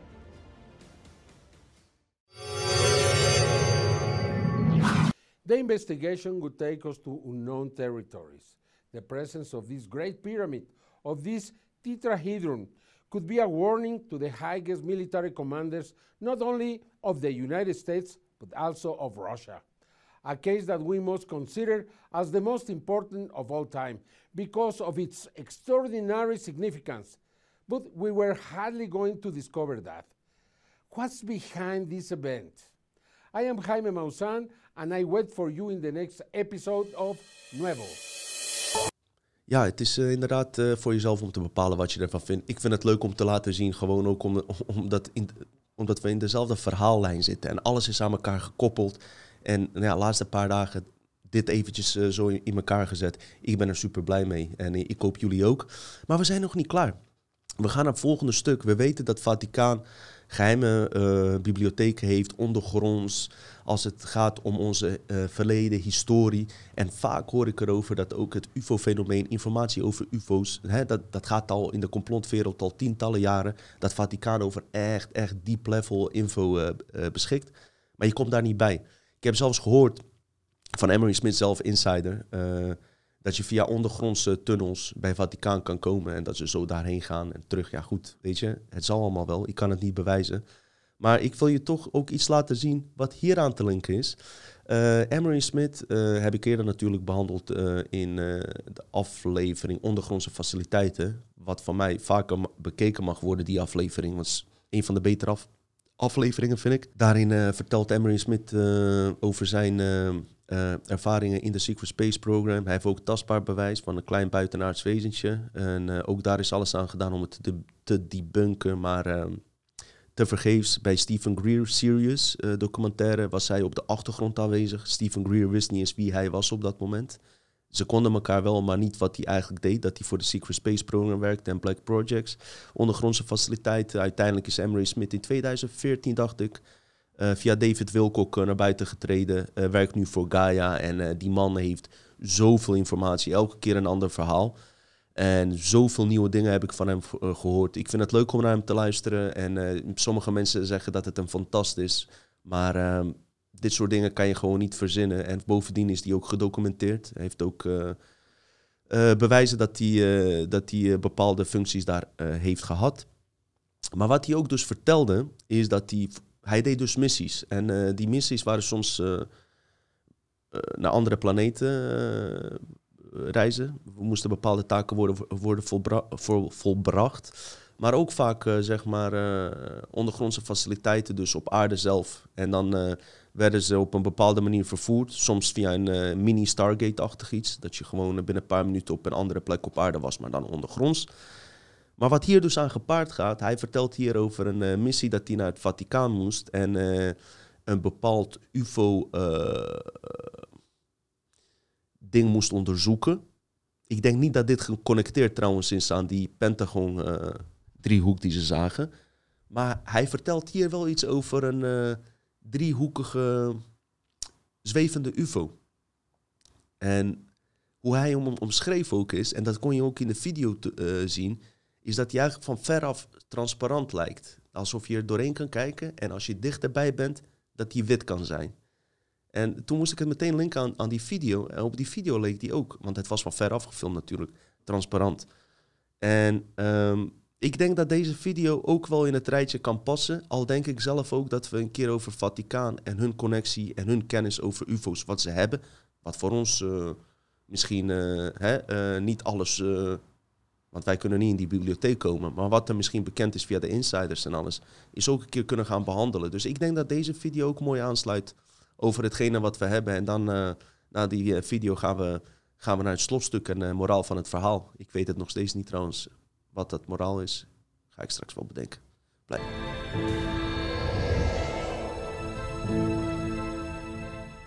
Welcome back to Cosmic Disclosure. I'm your host, David Wilcock, and here again with me is Emery Smith, a friend of mine for the last 10 years. I've been leaning on you for a decade to do this, and you finally have. So thank you, Emery, and thank you on behalf of all people in the world who want freedom and full disclosure. Oh, thanks for having me, Dave. Insiders typically, when, they're, when you get a real one, they have lots of different cool things that they've done. So tell Right. us about the Vatican.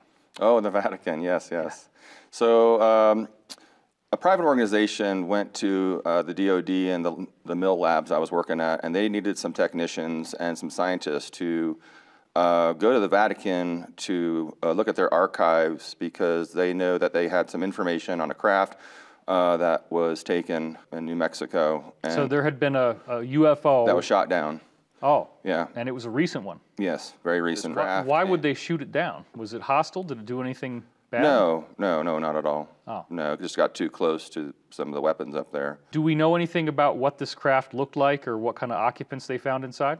No, there was no occupants uh, that was mentioned, but the craft did look like a uh, like a tetrahedron. Uh, the best way I could put it is uh, make a tetrahedron out of PVC pipes, and about uh, eight feet in diameter, and it has a, a light in the middle of it. And this was like and a it always robotic it, drone? it always stays centered. Uh, it could have been, uh, but then again, a lot of these craft are uh, conscious actually, Hmm. and uh, it can every now and then it'll strobe and f- and then it'll fill up the spaces so you can't see through it. what color was the orb of light? It was blue, know? but it's very small, like probably three inches in diameter. And the tetrahedron itself was white?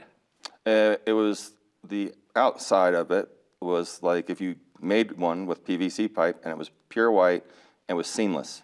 I Like- still don't like- know okay, so. So if you have an empty tetrahedron that you can see through, and you're, we're only talking about the outside lines, okay? okay. So you can see through it and you can see this ball. Now, if you get Oh. too close to it, it will actually go solid. This tetrahedron goes solid. Yes. Really? Yes. And then what does it look like? Uh, it's just white, it's just white. Wow. Yeah, pure white. So this appears to have been some kind of drone. There were no occupants in it. There's no occupants, but it doesn't mean, because that white light could be uh, some sort of consciousness. Or a being, right. Or a being. So you cannot, anytime you see light, you have to think being first, and then, you know, go from there. Hmm. They have a very robust idea of what normally would crash, correct? Like Yes. They, they have an extensive catalog. They have an extensive collection, Yeah. I will say. okay. But this this skewed the charts. Some way. Yes, yes. It gave off different, uh, I guess, frequencies or something that they were amazed about, and it didn't show any aggression or whatever after it was shot down, and it was still like ob- obviously operational. And you say that this craft was in the category where it appears that the material itself is a life form somehow? Well, uh, I don't know about that because I was in on that part. All I know is that ball on the inside was had energy. So energy and light always could mean life. Okay. So what did they decide to do about this craft? If they don't know what it is, they don't know where it came from, what kind of resources can they draw upon at that point? Well, what they do is they form a team and they do a lot big background check around the world because there's other catalogs in other countries and other religions. And of course, the Vatican has always been a, a huge database, uh, has a huge archive of many things, uh, artifacts and things they have found from space and have collected over many, many, many, many years. And they have an underground base under the Vatican.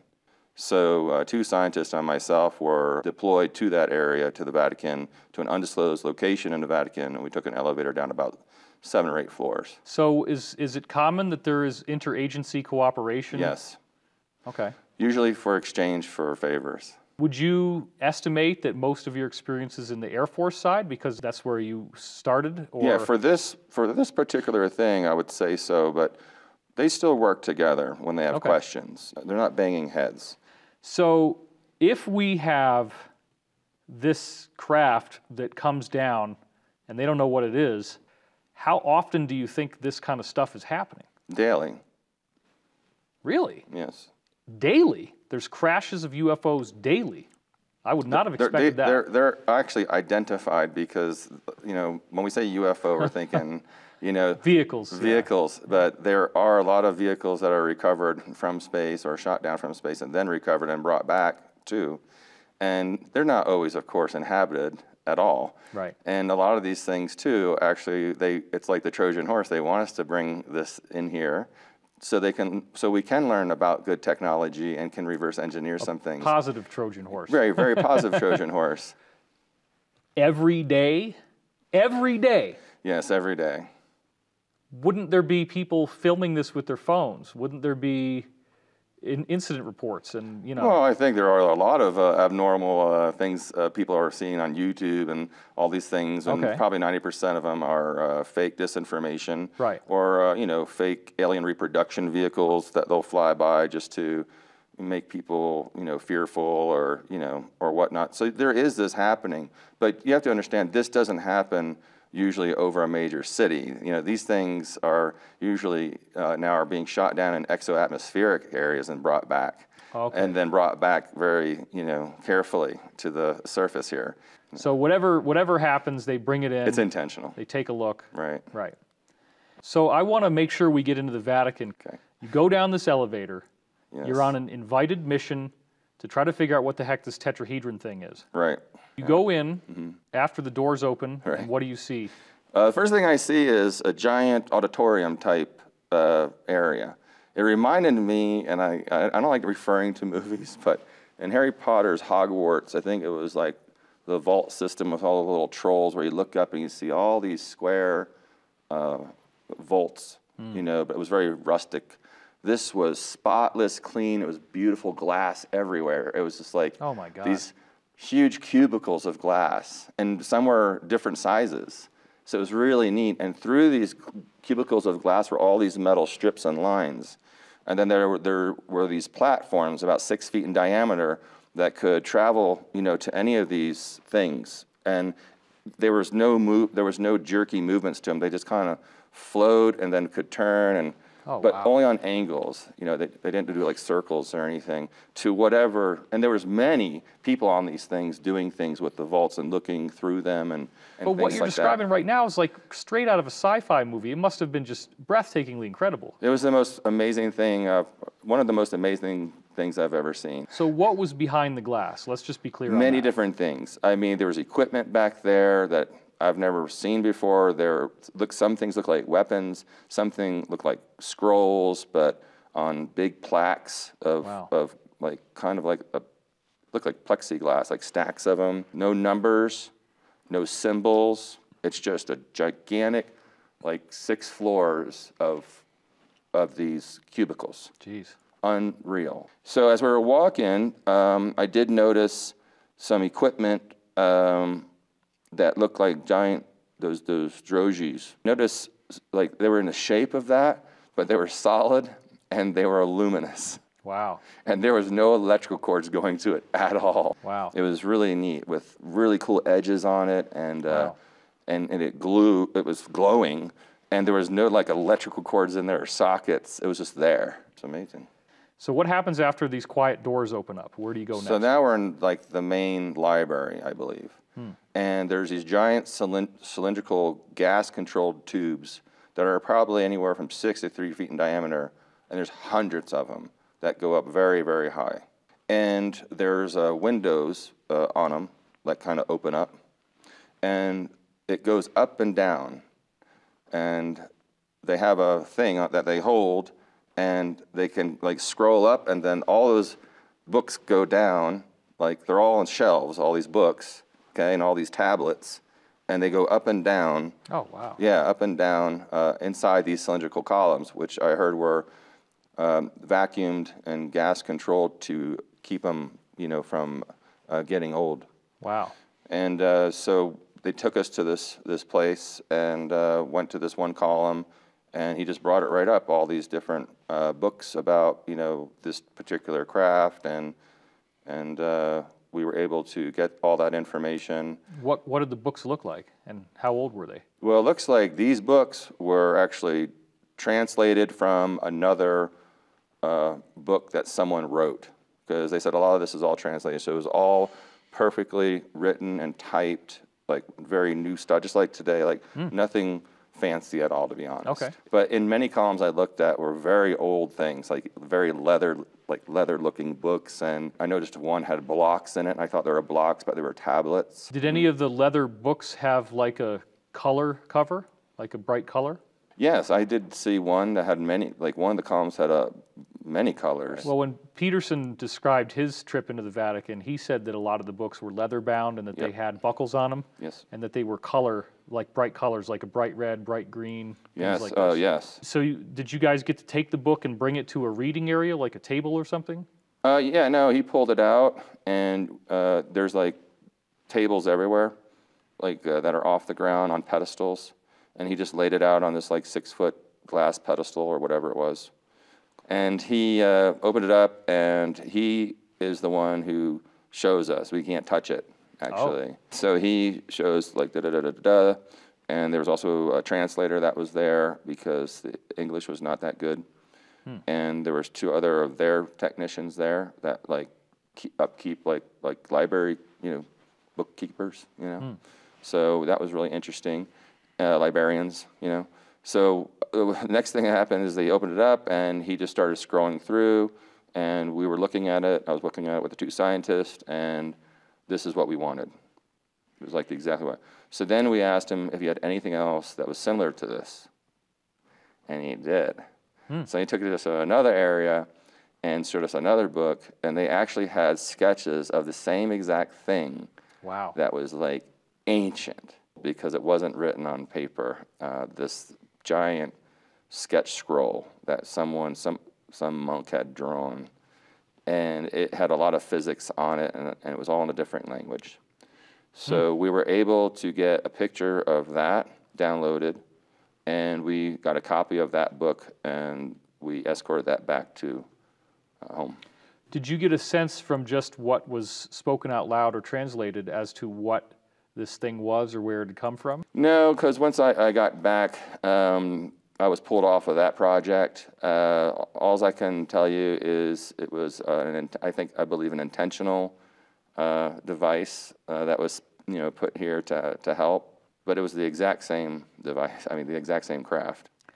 So, how do you think that idea that we discussed about people starting to be trained as disclosure happens? The first thing that's going to happen is, you know, everyone's going to want to know, you know, I want to, I want to know about anti-gravity, how I can make my car, you know, float, you know. So people are going to want to know right away hmm. because they're going to do it correctly. You know, they are going to do it through probably universities first Right. and and hopefully a lot of the you know other scientists that are out there will pick up on you know what they're doing you know a lot a lot of these things our daily things that we do are going to be much simpler Very cool. Yeah. All right. Well, thank you, Emery, for being here.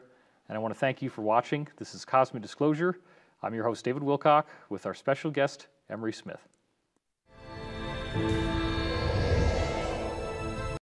Harses, we zijn weer terug. Oké, even een slotstuk. Ja, conclusie van dit alles is, is dat, ehm, en wat heel veel mensen nogmaals even gezegd voor het laatst, nu steeds meer ook herkennen, ook eh, nu door deze COVID-situatie, veel nieuw ontwaakte mensen die ehm, natuurlijk aan het ontdekken zijn dat, eh, dat er veel dingen niet kloppen of niet zijn zoals ze horen te zijn. En eh, ondanks alle eh, bewijsmateriaal wat er is, en, komen we niet tot dat punt dat we zouden willen bereiken. En dat is onze vrijheid terugkrijgen. Ik weet niet hoe ver je vrijheid al had. Maar goed, dat vrijheidje wat je nog had twee, drie jaar geleden. Probeer, kan je niet terugkrijgen. En hoe kan dat, die godsnaam? Je hebt een rechtssysteem. Mensen denken nog steeds 90%. Ook binnen de complotwereld. Dat ze via politiek wat kunnen doen. Nou, weet je, je ziet dat... ehm, die eh, generaal Ruppel, Edward Ruppel, zeer hoge pief was. En zelfs hem lukt het niet. Wat verwacht jij dan eh, om, om dat UFO-fenomeen te verklaren? Omdat hij op een gegeven moment eh, tegen de eh, Deep State aanging. Cabal Deep State Secret Space Program. eh, die type, zeg maar, die een eigen staat op zich zijn. En zij eh, erkennen niemand. Zij erkennen alleen zichzelf. En het is echt, als je dit gaat onderzoeken, ga je ook begrijpen dat je via die weg dat dus niet, eens hoeft te proberen. Het is gewoon zonde van je tijd. Waar ze wel bang voor zijn, want ik wil jullie niet, ook niet in een, ja, een, een hopeloze stand eh, zetten. Eh, er zijn wel andere manieren, hebben we ook in andere podcasts eh, over gehad.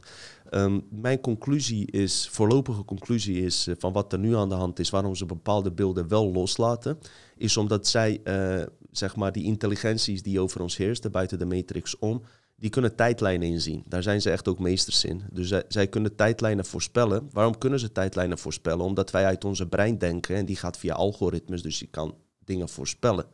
Dus ze kunnen bewijzen van weten wat jij morgen om half negen gaat eten.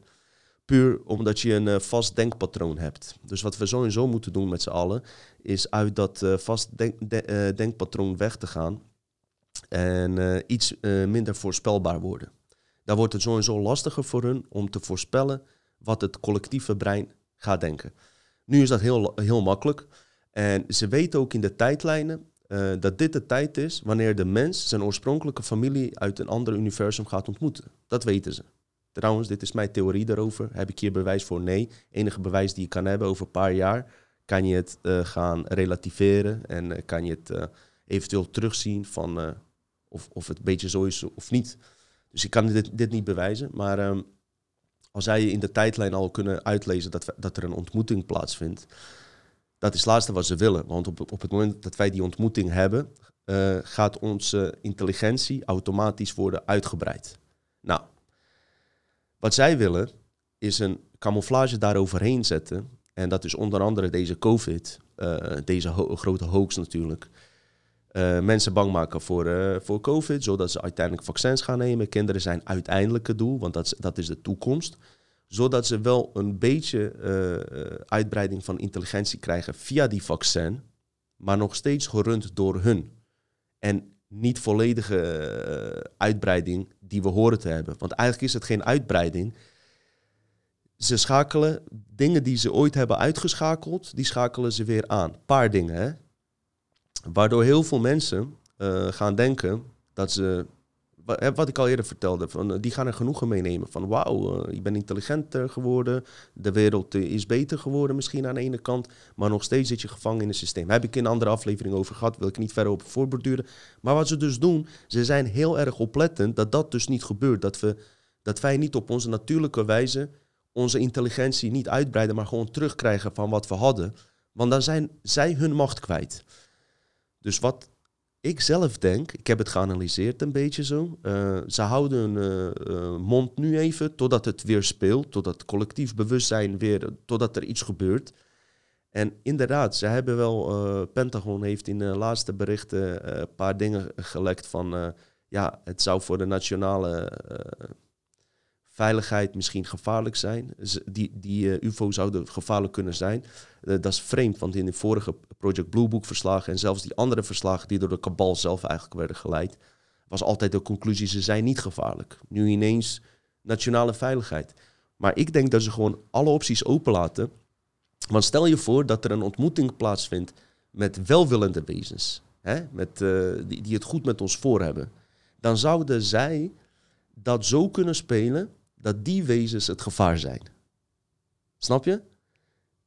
Maar alleen de wezens die via de overheid uh, contact leggen, dat zijn dan de good guys. Maar gaat het niet via de Amerikaanse overheid, dat zijn de bad guys. Dat zou ook nog kunnen.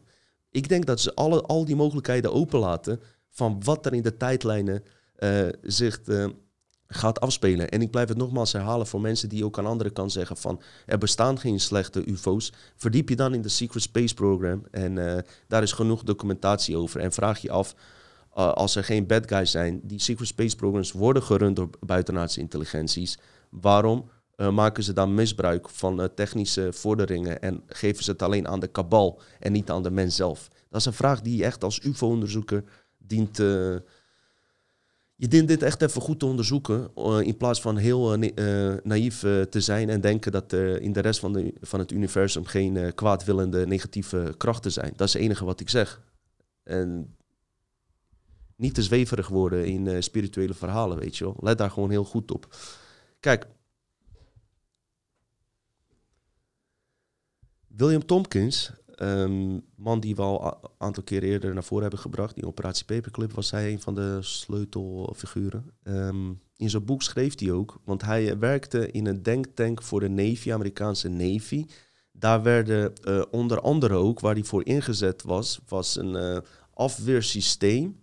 Moest hij bouwen met nog hele andere knappe koppen, waar Einstein ook bij betrokken was, noem maar op een afweersysteem tegen buitenaardse negatieve krachten.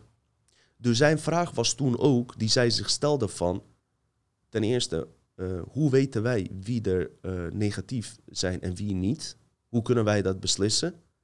Misschien zijn wel degene die af worden geschoten, die, die ongevraagd aarde zogenaamd binnenkomen. Misschien zijn dat wel de good guys. Maar goed, weet je, je zit in dat programma, je gaat er gewoon niet mee. Dus ja, wat als het dus andersom is? Wat als, uh, dat, dat vroeg William Tomke zich ook af, wat als wij nou gevangen zijn en die anderen uh, juist de good guys zijn en wij hun eigenlijk afschieten. Dus die kennis komt ook van die buitenaardsen die de Secret Space Program, Navy en al die shit runnen. Verder heb je voor mensen die misschien uh, Corey Good en David Wilcock uh, volgen, heb je een groep. Dat las ik in een boek van David Wilcock. He, hebben ze het wel eens over een ancient builder race, builder race, die miljarden jaren geleden hier heeft gewoond, ook wat dingen op de maan heeft gebouwd, nog steeds achtergelaten. Hele mikmak verhaal erachter. Maar onder andere werd er verteld dat toen zij deze, de aarde verlieten, het universum verlieten, dat ze nog steeds uh, wapens achterlieten, afweerwapens voor uh, niet gevraagde gasten. Uh, ik vraag me altijd dan af, eh, is dat dan nodig, weet je wel? Is dat iets alleen van de Matrix-realiteit, waar oorlogen worden gevoerd? Dus over die Ancient Builder Race, was dat misschien niet dan ook een veroverras die, die de aarde toen al gevangen had gezet? En zelfs hele militaire ruimtecomplex heeft neergezet uh, om de aarde, mensen op aarde maar niet contact te laten maken met hun oorspronkelijke familie. Ik moet nog steeds even die beelden van NASA opzoeken. En als jullie die hebben, zet die even in de comment dat er een, uh, op een UFO met een laser wordt geschoten boven de maan was. En die UFO gaat net op tijd weg. Dus er zijn hier installaties aanwezig die ervoor zorgen dat die welwillende wezens hier niet kunnen komen. Nou, ik heb ook in andere afleveringen gezegd, als wij bij elkaar staan en zelf een uh, landingshaven, een veld neerzetten, gedragen uit vriendschap van uh, 100, 200 mensen. En uh, besef tussen het verschil tussen hart en brein en hoe je dat aan elkaar connecteert, dan kunnen zij binnen deze matrix een eigen veld maken en wel veilig inloggen. Weet je? En dat moet ik ook zelf ook verder onderzoeken. Dat was het uh, voor vandaag. Uh, ik uh, denk dat ik met deze aflevering wat meer toegang heb kunnen maken voor mensen die sceptisch hierover denken of, of hier niet veel van af weten en die het willen onderzoeken op een zichtbaar level. Geloof me, je bent hier echt maanden zoet om onderwerpen die ik net heb besproken, om echt, echt gedocumenteerd terug te zien. De CIA op hun eigen site al vind je heel veel dingen over UFO-waarnemingen. UFO-onderzoeken, wat ze al zelf prijsgeven. Je moet altijd zo denken, ze, ze gaan het niet zomaar onderzoeken, weet je wel. En waar, ja, waarom zouden wij het dan hier niet over hebben? Aangezien het uh, op uh, andere kanalen op tv uh, wordt er niet over gepraat. En ik hoop dat er in de toekomst nog meer kanalen zijn die hier ook meer aandacht aan geven, ook in Nederland. En die zijn er al, hele supergoeie websites, iedereen is goed bezig. We doen wat we kunnen en ehm, we moeten zorgen dat we doen wat we willen. Laat dat het moraal van het verhaal zijn. Hey, bedankt voor het kijken. Hè. En wij hopen binnenkort uh, weer wat nieuwe gasten aan te trekken. Ik heb nog geen plannen. We zien wel wat het, uh, wat het leven ons brengt, weet je. Hè? Want er gebeuren vreemde dingen in deze wereld en die zijn niet altijd te verklaren. En als je ze wil verklaren, moet je heel erg hard je best doen om niet te worden tegengewerkt.